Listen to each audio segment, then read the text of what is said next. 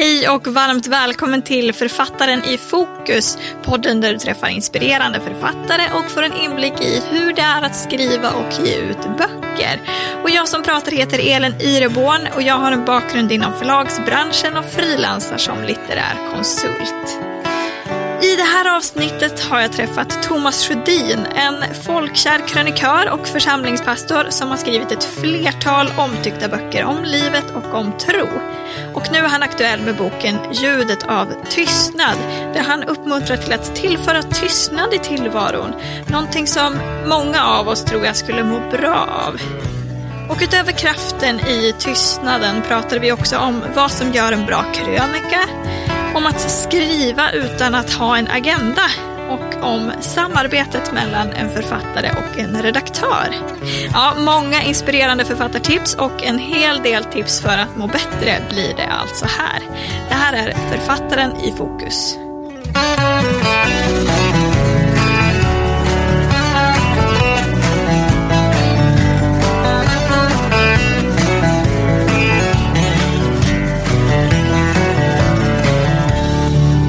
Välkommen hit Thomas. Tack. Hur är läget? Det är jättebra. Det, det, jag är glad och eh, lugn och eh, uppvärmd. Ja, vad Ja. härligt. Vad härligt. Du är ju en man med många strängar på din lyra. Hur skulle du beskriva dig själv? Jag skulle beskriva mig själv som eh, djupast en ganska rastlös människa. Det har jag fått leva med och eh, lära mig att hantera.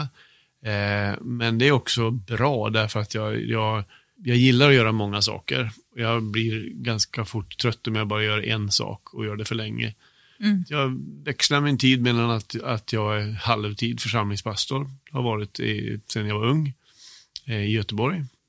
Och eh, sen skriver jag eh, och pratar i olika sammanhang runt mina böcker på den andra halvtiden. Mm. Eh, och, och dessemellan är jag en helt vanlig man som bor i ett hus som står ute om natten. Mm. Ja, jag har sett fram emot att, att få träffa dig, för jag, jag tycker att du... eh, Jag har läst ett antal av dina böcker och tycker att det är väldigt upplyftande. Vad bra. Det, det är väl det jag skulle vilja sammanfatta. Eh, hur jag tolkar ditt författarskap. Att det, det är upp- upplyftande texter för, eh, för människor i alla stadier i livet. Jag har ju ett litet motto för allt jag skriver. Det, Ja. det har du säkert hittat någonstans. Men det är ju att, att försöka tala uppriktigt om livet. Men aldrig göra det utan att tillföra lite hopp. Mm. Och det är bra om det känns upplyftande. För det är, ju, det, är ju en, det är ju en sak att beskriva livet realistiskt. Men då tycker jag att man bara har gjort halva, halva jobbet som skrivare.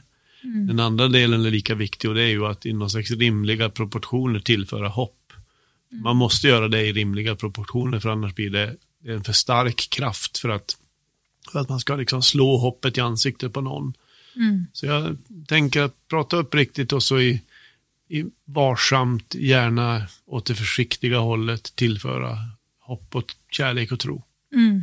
Mm. Ja, jag, jag tycker i alla fall att du lyckas med det. Bra, då har jag en läsare. Precis. Stort fan. Det är bra. Ehm, och nu är du här för att prata om din eh, senaste bok som heter Ljudet av tystnad, som är utgiven på Libris förlag. Ehm, hur kommer det sig att du ville skriva just den boken? Eh, den är ju en, en i raden av ganska många böcker som har blivit, men, men eh, jag kan säga att jag har länge tänkt att jag skulle vilja skriva en uppföljare på en bok som heter Det händer när du vilar. Och det, inte bara för att den råkade liksom nå brett och sälja mycket och så, eh, utan kanske mest för att jag märkte att i, i, det, i det själva anslaget så låg någonting som var väldigt allmängiltigt oavsett om man var troende eller inte och, eller hur, ens- hur ens liv såg ut rent vardagligt. Att, att just det här att, att kanske bli lite praktisk och säga att det, det finns relativt en, enkla vägar att gå för att få en bättre rytm i livet. Att jag skulle vilja fortsätta det spåret lite grann. Eh, och eh, sen för ungefär tio år sedan, så det här, det här är en, ett, en lång process i mitt liv, den här boken, så, så började jag upptäcka kraften i, i tystnad. Mm. Eh, och att framförallt att tystnaden inte är tyst, utan att tystnaden är att man hör andra ljud och kanske till och med de ljud man längtar efter att få höra. Mm. Så att då, då, då, där någonstans började liksom mitt eget, när jag infogade en stunds medveten tystnad, en ganska lång stund i mitt liv, men jag tror inte det är nödvändigt. Jag infogade det i en vardag som annars ser ungefär likadan ut och märkte att det, det, det har gjort något, något med mig som jag är väldigt glad för. Att jag tycker att jag hittar liksom mer av mig själv och att jag blir mer samlad som människa. Det finns, det finns en kraft i tystnaden, så är det. Mm. Ja. Hur har du gjort då rent praktiskt när du pratar om det här infogandet? Man, man får hitta en stund på dag, om man nu vill göra det här varje dag, vilket mm. är mitt primära tips. Eh, allt, alltså det är ju så här, det är ju det är inte lappkasten eller de stora rycken i livet som gör skillnad, utan det är ju det man gör varje dag som gör skillnad. Det är det som blir ens liv, det blir livets gång. Eh, och I mitt fall så, så, så fann jag att den bästa tiden för mig är morgnarna. Dessutom, jag är av naturen väldigt morgonpigg. Eh, och eh, jag, oftast innan så gick jag upp och så satte jag mig och läste något eller slog på radion, lyssnade på radion eller något sånt. Men jag bytte för några år sedan ut det där mot att jag börjar dagen med att jag, att jag gör en kopp kaffe och så sätter jag mig i samma hörn i mitt arbetsrum. Eh, och så innan jag kollar någonting annat, innan jag slår på något eller läser något eller tittar på telefonen, så tar jag en rejäl stund när jag bara, ja, när jag bara är tyst. Mm. Och så försöker jag öva mig i att lyssna som om jag vore ett förskolebarn. Mm. Ungefär. Alltså, tänk mycket på, för om, man tar ett, om man tar ett barn med sig in i skogen till exempel, för att visa någonting eller få dem att upptäcka skogen, så behöver man inte gå så hemskt många meter förrän barnet stannar. Mm. Och man behöver inte gå längre sen, för de, har, de, de söker inte efter något speciellt, utan de, de är bara där och då, då upptäcker de grejer. Och de hör ljud och de ser saker som, som, som räcker för dem. Mm. Och så tror jag det är med tystnaden. Att, att man ska inte gå in i den och medvetet söka någon, vad man vill hitta. Eh, utan snarare våga vara där, lyssna, ta de tankar som kommer, våga följa dem. Eh, och, och det här har blivit för mig en någon slags tyst, väldigt tyst revolution i mitt eget liv. Mm. Ja, men för att, vi har ju blivit väldigt vana vid att plocka upp mobiltelefonen vid tillfällen där, där vi tidigare kanske skulle haft utrymme för tystnad och våra egna tankar.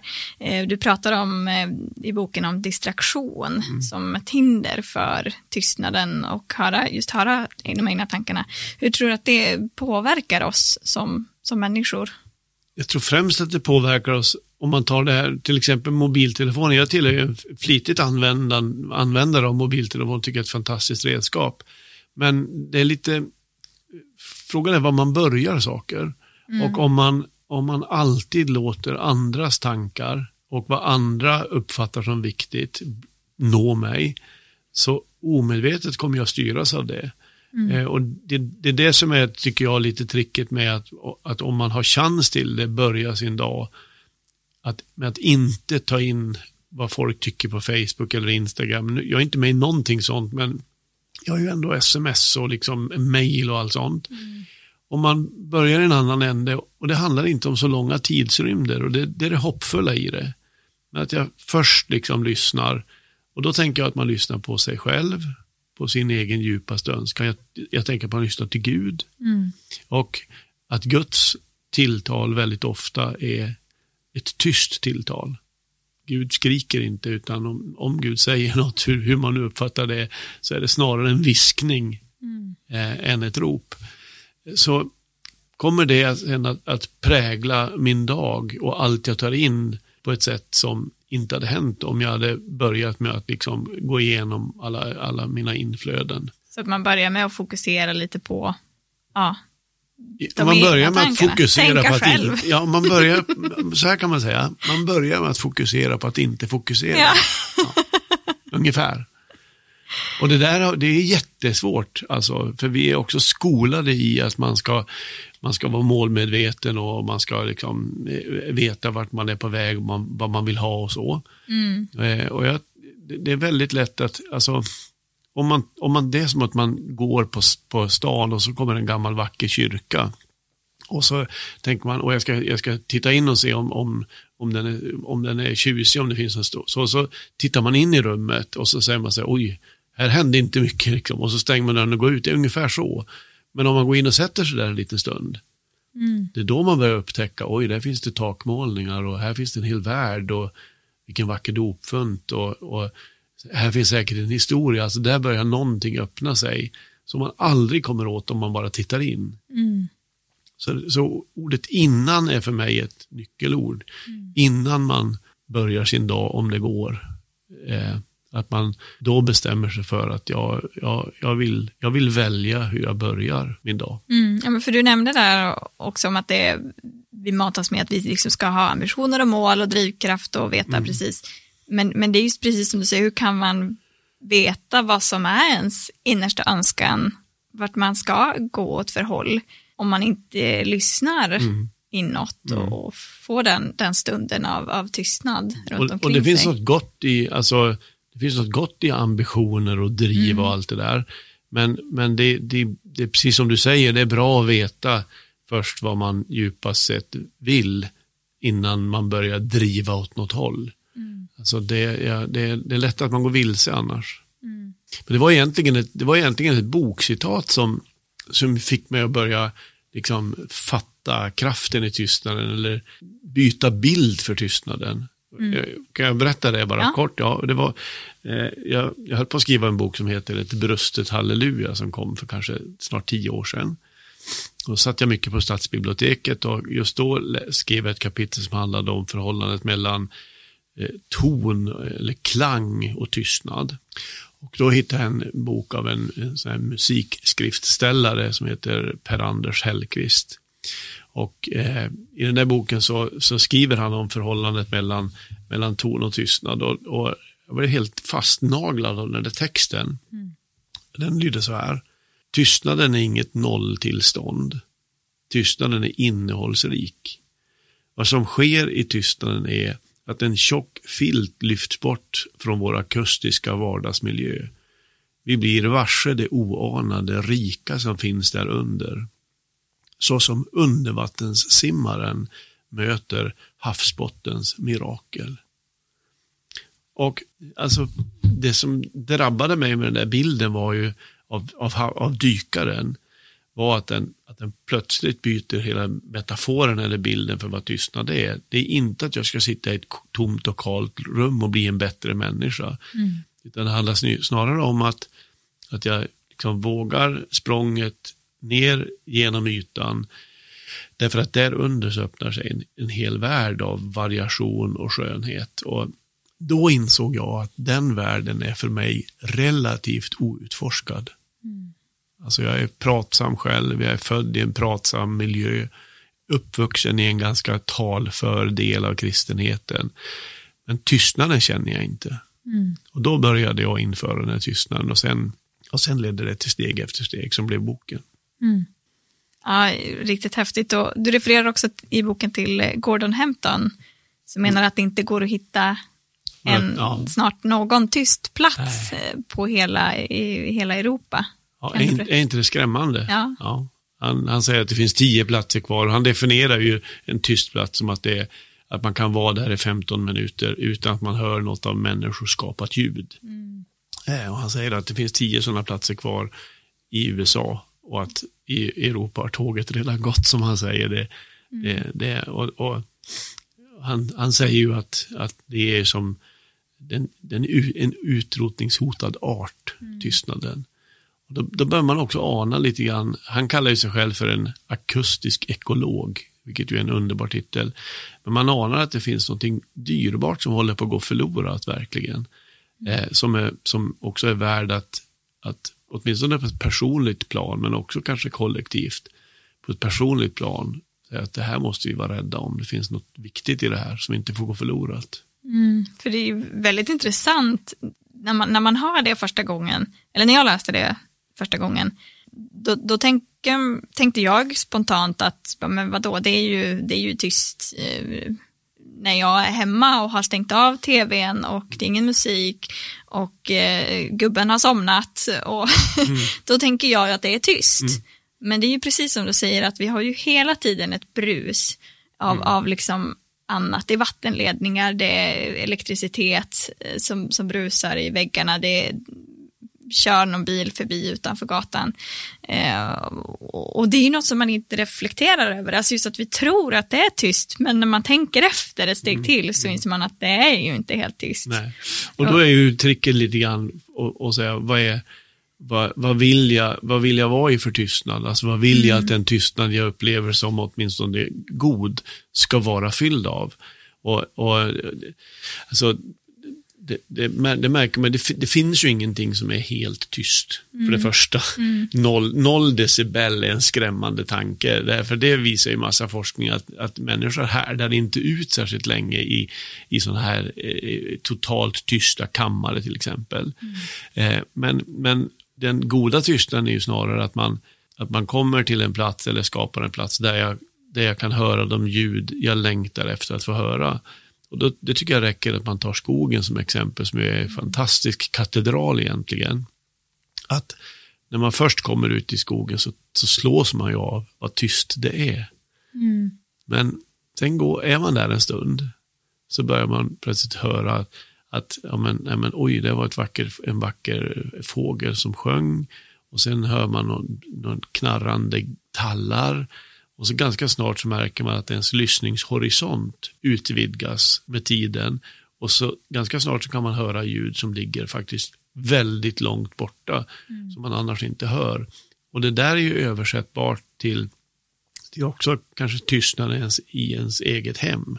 Mm. Eh, att man att man börjar uppfatta saker som man inte skulle ha uppfattat annars. Man hör inte bara frysen och kylen som, som burrar lite grann eller någon mm. bil på gatan, utan man hör tankar, man hör sina, eg, sina egna tankar. Eh, man hör stillheten på något sätt och, och det, är en, det är en ljuvlig tystnad. Mm. Det finns, det, tystnaden är inte frånvaro utan en, en slags närvaro. Mm. Jag gjorde en, när jag höll på att läsa min, den här boken som ljudbok nu så, så berättade den här tekniken där att jag har läst in många böcker i samma studio i Göteborg. Och då sa han att jag, jag brukar alltid spela in, sa, sa han, lite, lite tystnad när du är i rummet. Alltså jag brukar passa på när du gör något, liksom väntar på något eller så, så spelar jag in lite tystnad. Därför att tystnaden när du är i rummet låter annorlunda än om du inte är i rummet. Även om du inte säger något.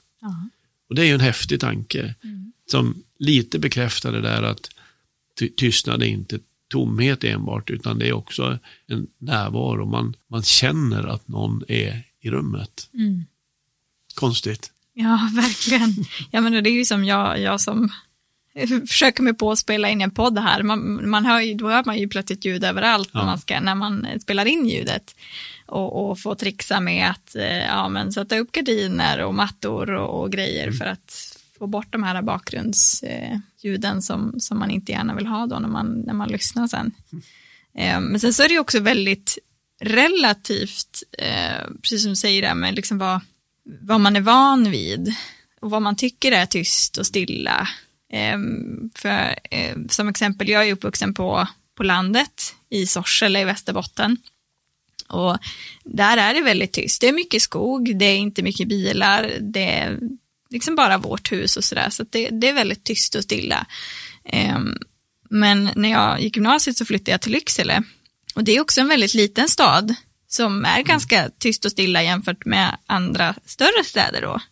Men det tyckte ju jag att det var livat. Mm. Eh, och, och, att, det lät jämt, ja. Precis, det körde alltid förbi bilar utanför och, eh, och människor utan, utanför som gick förbi och sådär. Men då hade jag vid ett tillfälle en tysk utbytesstudent som, som var från Hamburg på besök hos mig och skulle sova över. Och hon var helt så här bara, men gud vad tyst det är här. Mm. Va, va, va, hon blev nästan knäpp för att hon var så van vid att det var ändå mer. Mm ljud och liv i Hamburg, där hon bodde, som, som är liksom en, ja, jag vet inte hur många gånger så stor stad som lilla Lycksele. Mm. Um, så, så det är ju väldigt fascinerande där. Det det hon verkligen. la ju märke till att det var tystare och jag var fast jag tycker det är mer livat. Ja, och, jag, och jag tänker nog när jag, när jag skrivit den här boken, jag, jag, har ju aldrig, jag har aldrig egentligen tänkt om mina böcker att jag har någon särskild målgrupp. Utan, för det frågar ibland folk, vad har du för målgrupp? Jag vet inte, så jag har aldrig tänkt på den tanken.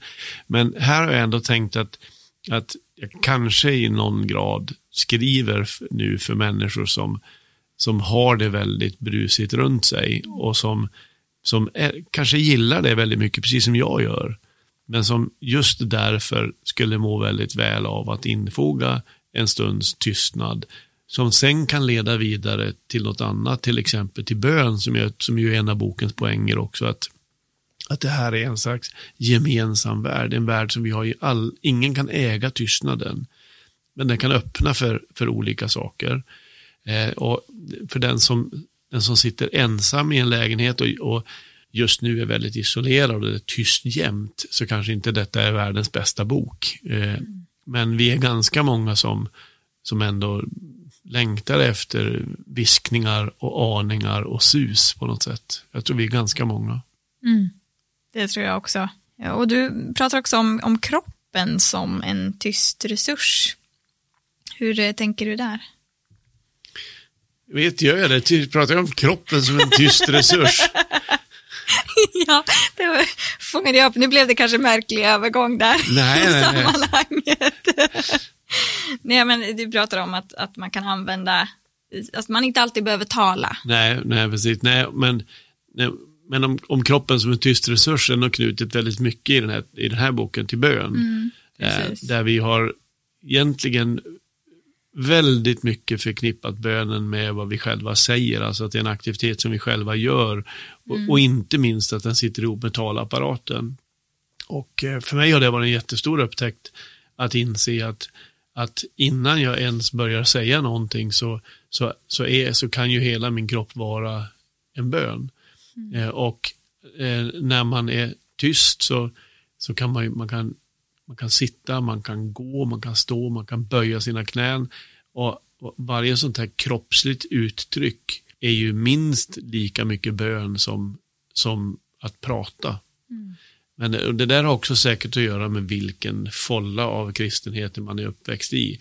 Jag är ju uppväxt i pingströrelsen så man, man ändå måste säga hur mycket jag än älskar den, att den, att den var ganska pratsam. Mm. Så att det har varit en liten väg för mig att gå också till att liksom upptäcka att, att bön kan också vara ordlös. Och att i, ibland så, så blir det det där som man kallar för en talande tystnad. Alltså det blir en tystnad som talar starkare än vad ord skulle kunna göra. Mm. Ja, men också så i, i våra relationer, i vår gemenskap med andra, att tycker det är fint att tänka att man, man inte alltid måste göra ljud ifrån sig, Nej. utan vi har också eh, ett eh, språk, eh, vilket också nämner i boken, som, som talar för just det, alltså så att sträcka ut en hand mm, mm. till någon exempelvis. Att det, det behövs inte ord där riktigt, utan man, man ger en hjälpande hand.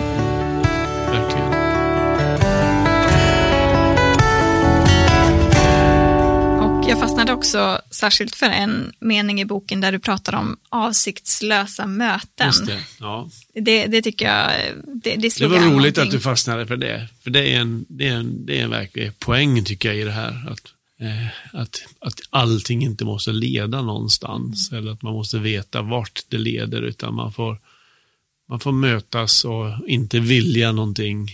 Och jag tycker det är så underbart med, med, med ibland när det det hör av sig människor som inte vill något. Ja. De, de, de, de bara säger hej, ja, ja, det är jag. Liksom. Jaha. Mm. Men ganska snart så ur sådana samtal växer ju någonting som är väldigt skönt. Man, man sänker axlarna lite grann. Mm. Och jag tror djupast sett att relationen med Gud är sån.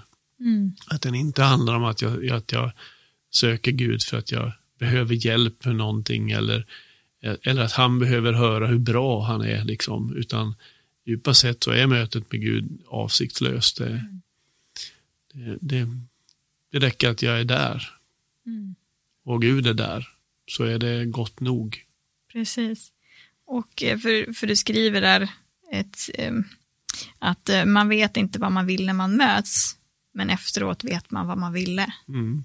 Det tycker jag är så härligt och, och jag, jag, jag, gillar, jag gillar det verkligen. Och, eh, för jag tror att jag själv har eh, men så här, också upptäckt den, det fina i det på något sätt. Och, och, jag kan ofta när jag åker tåg så här, börja prata med den som sitter bredvid. Jag vet ju inte vad jag ska säga till den. Men man säger kanske hej, vad är det för bok du läser? Mm, och så mm. prata, börjar prata om någonting och så rätt vad det är så lär man sig någonting jättevärdefullt mm. som man kan ta med sig vidare fastän man aldrig någonsin mer kommer träffa den personen.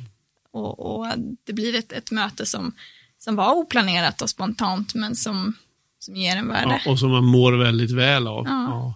Ja. Jag strimlar ju ordet agenda. Ja. Eh, därför att det är ett ord som jag tycker är jobbigt på något sätt. Det betyder ju att få något gjort eller att göra något. Men, men, men om allting i livet har en agenda så blir det jobbigt att leva. Mm. Och, och, det, det, är ju risken också med att skriva en bok om tystnad. Att, den, att tystnaden får inte bli ett knep som ingår i en agenda för att jag ska bli en mer samlad människa. Utan tystnaden är mycket viktigare än så. Som har att göra med att, att möten, alltså sammanträden mår säkert bra av att man har en agenda, att man vet att man har en slags överenskommelse att det är det här vi ska få gjort under det här, under det här sammanträdet. Men, men möten mår faktiskt bäst av att vara avsiktslösa. Eh, och, och djupa sett, om man tänker på vänskap, så är vänskap alltid avsiktslös. Mm. Alltså om man umgås för att man egentligen vill eh, att någonting annat, då är det ju inte längre djupast sett mm. vänskap. Mm. Så att, och, och, där kan faktiskt tystnaden hjälpa en jättemycket att man att du, att du kommer bortom det där som du kan uttrycka eller formulera eller, eller förtydliga och säga att det är, det är mm. därför vi möts. Utan man, man sätter sig ner och så finns man där en stund. Jag berättar i boken om en, en liten underbar berättelse jag hörde av någon som hade ett, ett ungt par som åkte ut till till någon, någon, Sydamerika någonstans på biståndsarbete och så bodde de i en liten hydda med en ursprungsbefolkning där. Och, och när de hade bott där några dagar så knackade det på en man från byn på dörren till deras hydda. Och släppte in honom och han, han satte sig precis innanför dörren och drog upp, drog upp knäna liksom och satte sig där på golvet. Mm. Och frågade liksom, vill du ha något eller? Nej, det vill han absolut inte. Och, eh, hade du något ärende? Nej, han såg lika liksom, förvånad ut. Och, och när han hade suttit där en god stund så reste han på sig och så tackade han för sig och gick. Mm. Och de funderade jättemycket på vad ville han liksom, varför kom han? Och samma sak upprepas dag två. Han kom och satt en lite längre stund innanför dörren men han skakade på huvudet och frågade om han ville ha något att dricka eller något att äta. Och, och så till slut så kom de ju på att han ville ingenting. Mm. Han ville bara sitta där en stund. Jag tycker en obeskrivligt vacker bild av till exempel ja, relationen med medmänniskor men också relationen med Gud. Att, att det kanske handlar om att få sitta en stund i Guds hydda. Mm. Och än vackrare blir det när man vänder på den och tänker på att Gud kanske inte heller alltid vill någonting utan han är glad om han får sitta en stund i det som blir min, min vardag och värma den med sin närvaro. Och man känner om det är någon i rummet även om man inte ser den. Det är som med studion och tystnaden där. Man känner om en tystnad bär en närvaro eller inte. Mm. Ja, det är ju väldigt fascinerande och man kan och också det här med, med, med människor, att man kan känna en, en obekväm tystnad. Ja, verkligen. Ja. Det finns ju ingen värre tystnad än tigandet. Mm. Alltså när man vet att saker borde sägas, men ingen säger någonting. Mm. Det är ju direkt fysiskt plågsamt. Ja, visst. Och den tystnaden låter ju på ytan likadant och den här ljuva tystnaden som dyket ner i den här mm. vidunderliga undervattensvärlden. Men under ytan så är det ju två helt skilda, väsensskilda saker. Så mm. det är mm. skillnad på tystnad och tystnad. Det är bra att veta. Mm. Och det här är ju som sagt inte din eh, första bok. Men vad, vad var det Kanske som... Kanske inte min sista heller. det hoppas jag att det inte är. Nej, jag fortsätter nog, ja. Eh, men vad var det som fick dig in på, på skrivarbanan? Eh, som det mesta i mitt liv så halkar jag in på saker. Eh, man kan tala om avsiktslöst, men, men jag halkar in på saker. Och min skrivarbana började när jag läste på en pastorsutbildning i Storbritannien. Eh, och då fick jag ett brev från tidningen Dagen, den kristna dagstidningen i Sverige, om jag kunde tänka mig att skriva tre kröniker medan jag var där. Eh, och då tänkte jag, jag hade, inte, jag hade skrivit en rad för publicering, men jag tänkte hur svårt kan det vara? Liksom. Eh, men jag upptäckte ju ganska snart att det var mycket svårare än jag trodde. Eh, men jag tackade ja till det, skrev de där, de där raderna eh, och skickade dem till Sverige. Och det där blev någon slags brytpunkt för mig. Att fram till där, den där hösten hade jag inte skrivit någonting för publicering. Och efter den hösten så slutade jag aldrig att skriva kröniker. Så, så mitt, mitt skrivande började med kröniker. Först för dagen, sen gick jag vidare till några andra tidningar, Svenska Journalen, Lärarnas Tidning. Och så för mer än 25 år sedan så hamnade jag på Göteborgs-Posten. Mm. Där skriver jag fortfarande var tredje vecka. Eh, och det, det, där ledde ju till att själva liksom, pennan kom igång på något sätt. Jag började upptäcka att jag tyckte det var roligt att skriva och eh, att jag kanske hade någon sådär latent fallenhet för det också. Eh, inte så att det har gått lätt för mig, för det gör det aldrig. Jag, jag jobbar jättemycket med mina texter och det är, ett, det är ett hantverk som jag har fått lära mig. Men däremot att det fanns en ådra kanske i mitt liv som gärna ville skriva. Mm. Eh, och eh, sen någonstans när jag hade skrivit kröniker in, i något år så var det ett bokförlag som hörde av sig och frågade om kan du inte typ använda lite grann av dina kröniker och så gör du en bok av det. Mm. Eh, och då skrev jag min första bok eh, som inte går att få tag i längre och det är jag väldigt glad för. Den heter Osminkat. Alltså. Ja, den, den, var en ganska intern bok som egentligen handlade om kyrkans sanna ansikte. Mm. Eh, och den, varför jag säger att jag är glad att den inte går att få tag i det är för att den saknar några kapitel. Den är en, kanske en bra analys, men den saknar liksom kärleken till kyrkan eller till församlingen som jag senare fick upptäcka mycket, mycket mer. Så att, eh, och sen var det full gång. Mm. Känner, har du känt att det här eh, krönikeformatet, är det något som har passat dig? Ja, perfekt. Som mm. hand i handske. Mm. Jag tänker ibland att jag är en krönika. Liksom, är perfekt. Man driver en enda tanke. Det är kort. Man kan, så fort man börjar tänka att jag ska få in två tankar i samma krönika så stendör den. Den blir läst.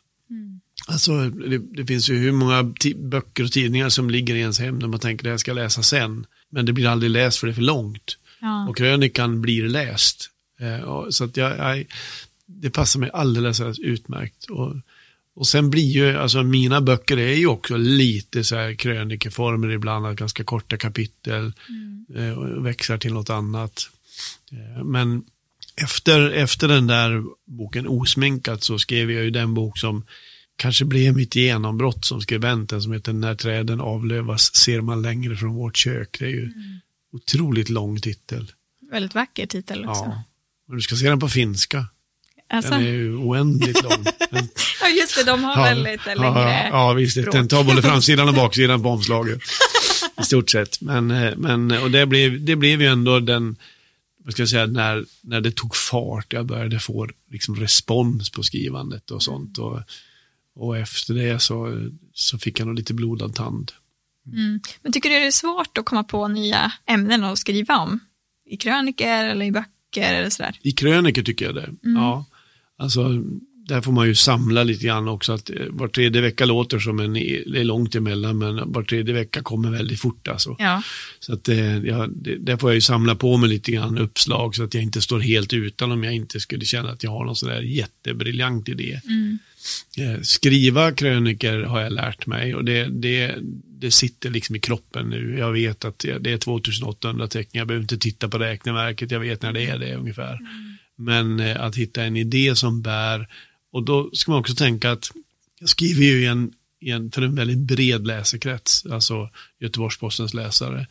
Eh, så att man, man, man, måste hitta någon, någon slags anslag i, i de texterna som är väldigt allmängiltigt och sen, sen har jag ett ärende med allt jag skriver. Jag skriver om tro, jag skriver om, liksom, om ett meningsfullt liv. Djupast sett om Gud egentligen. Mm. Eh, men man måste hitta ett anslag som är brett nog för att göra att, att inte bara de, liksom, de som tror exakt som jag läser. Det har ju, där har ju Göteborgs-Posten varit en fantastiskt bra skola för mig. Mm. genom alla år. Men händer det att du också skriver avsiktslöst? Om vi kommer tillbaka till det ordet. Så att du bara börjar liksom i en tråd ja, och så absolut. Absolut. ser vart nästan, det landar. Ja, ja, ja, nästan alltid. Jag kan, jag kan vakna på torsdag morgon när jag ska lämna texten vid åtta. Så ska, kan jag vakna och, och, och ha en, en, en, rad bara. Liksom. Mm. Och så tänker jag att jag börjar skriva, får vi se. Och det är ju det, är ju det roligaste skrivandet, att, att upptäcka att här fanns det ett, då, ett budskap som jag inte visste att det fanns där ens under den här lilla raden.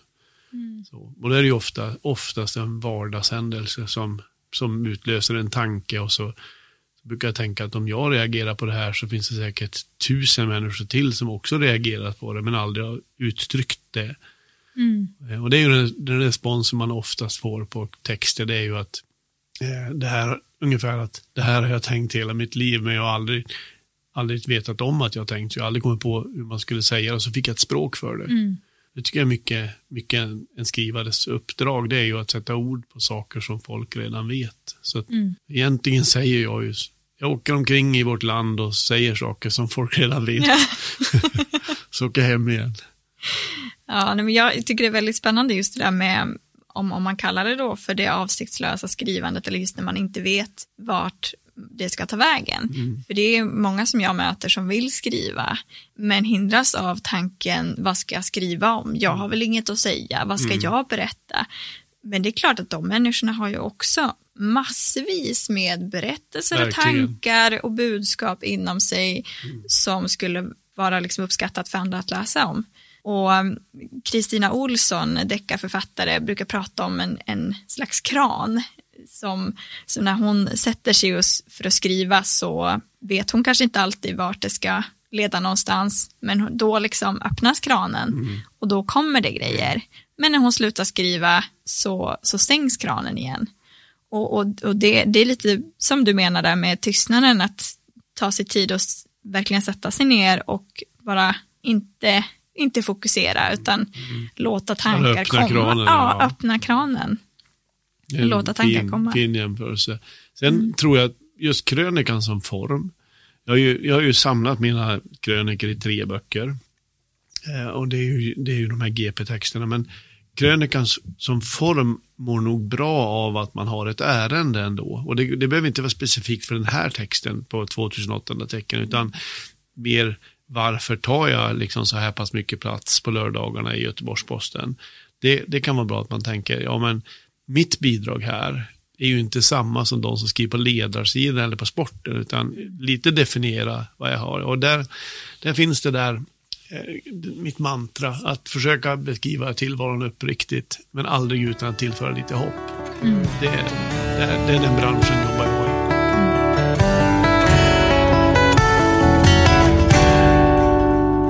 var det att, att hålla din allra första bok i handen? Kan du komma ihåg den känslan? Ja, den var, det, dels var den väldigt ful, omslaget, och så var den pocket. Eh, så det, det var ingen, ingen jättestor skönhetsupplevelse att hålla den, men det är ju ändå en, det är ändå en stor känsla. Det är ju lite som att få barn, lite, lite grann så. Ehm, men jag tror jag kände den ännu mer faktiskt när, när träden avlövas, ser man längre från vårt kök kom. För det var dels en vacker bok och det var också en, liksom en, för, för mig personligen en väldigt känslig text att skriva som handlade om våra barn och deras sjukdom eller för, funktionshinder. Och, det var mer av att, här, här, när jag lämnar ifrån mig den här så kastar jag mig ut i någonting som jag absolut aldrig vet var, var det kommer att landa. Och det kunde jag ju heller inte förutse, liksom, att, att det skulle öppna. För det är, det är trots allt en, mycket av den boken som har öppnat sen för mycket annat. Det går inte att komma ifrån. Även om jag inte är i den historien idag och berättar om det mycket, så, så, så var den en dörröppnare. Boken är ju som sagt utgiven på Libris förlag, liksom många av andra, andra av dina böcker. Vad, vad finns det för fördelar med att ge ut böcker på samma förlag? Om man säger återkommande. Där. Det, det var, jag, har ju, jag har varit på tidigare på andra förlag och innan jag kom till Libri så var jag på Verbum som ju är ett lite större förlag. Jag, jag, det var mycket som var bra med det, men jag, lite kände jag nog att jag, att jag kom lite hem när jag landade på Libris. Dels för att det är ett mindre förlag och man, man, man lär sig, det är få människor att lära känna, man, man får en slags personlig relation till dem. Eh, och sen har jag också haft lyxen av att, att jag har haft samma redaktör, han jobbar inte där längre, Dan-Erik Salberg. Eh, jag har haft honom som min redaktör, jag tror på de åtta senaste böckerna. Mm. Och vi jobbar väldigt nära intill på, liksom ihop. Och han, han kan mitt språk. Som han, som han, liksom, han betraktar det som ett slags Sjödinspråk som, han, som, mm. som inte alltid är grammatiskt helt korrekt men som är mitt och som, som han tycker funkar. Och jag, han är den enda i världen jag kan skicka en halvfärdig text till och säga liksom, kan det bli någonting av det här? Mm. Och så är han inne och pillar lite grann i den och så vet till slut när jag får tillbaka så vet inte jag riktigt vad han har gjort men jag känner igen mig i det. Eh, och det är för att han, han har liksom förstått rytmen och tonen i vad jag vill försöka säga. Mm. Så att vi, och det, det har ju varit en stor trygghet för mig att jag, han är också min första läsare. Att, jag, att han är den som tar emot texten och sen säger att, och han, han har vid något tillfälle sagt att det här, är, det här gör mig orolig, det här känns inte hundra, liksom. det här blir mycket jobb. Mm. Ja, och, så, och så gör vi en gemensam liksom, insats. Vi, vi jobbar rent fysiskt ihop också, att vi är, att vi i varje bokprojekt så stänger vi in oss på slutet tre dagar någonstans och så jobbar vi med texten och så högläser vi boken mm. för varann ett par gånger och känner liksom flödet och rytmen i det. Och det, det är ju en ynnest att få vara med om något sånt och jag litar så på hans omdöme. Mm. Men det blir ju ett väldigt starkt samarbete just mellan författare och redaktör mm. där det gäller att man, att man först, ja, förstår varandra. Mm. Um, för det är ju också som, som författare känsligt att lämna ifrån sig sin text. Mm. Eh, och, och, om då det tas emot av någon som, som börjar liksom bara massakera, det känns ju inte bra. Nej, verkligen inte. Och som, och som möter, jag tror inte så många gör det, men som möter varje skribent utifrån samma liksom premisser, utan man, man får ju tänka mm. att, att varje skribent har sin egen ton och stil och så. Det är den man Exakt. måste hitta och möjligen fördjupa och inte ta bort. Så. Ja. Och det, det, det har, tycker jag, Danne har varit fantastiskt med mig, att han verkligen har, har lyft mitt sätt att skriva och, och ändå städat upp det rätt mm. rejält mm. ibland. Alltså. Det kan bli lite yvigt och pratigt. Mm. Ja, jag fick en jättefin kommentar av en författare som jag jobbade med någon gång som sa att eh, hon, hon upplevde det som att när, när vi hade jobbat tillsammans med texten så kändes den ännu mer som hennes. Ja, men det är bra. Det är det jag vill mm. åt. Ja. Precis, att man kan liksom fördjupa det som är författarens röst och vilja.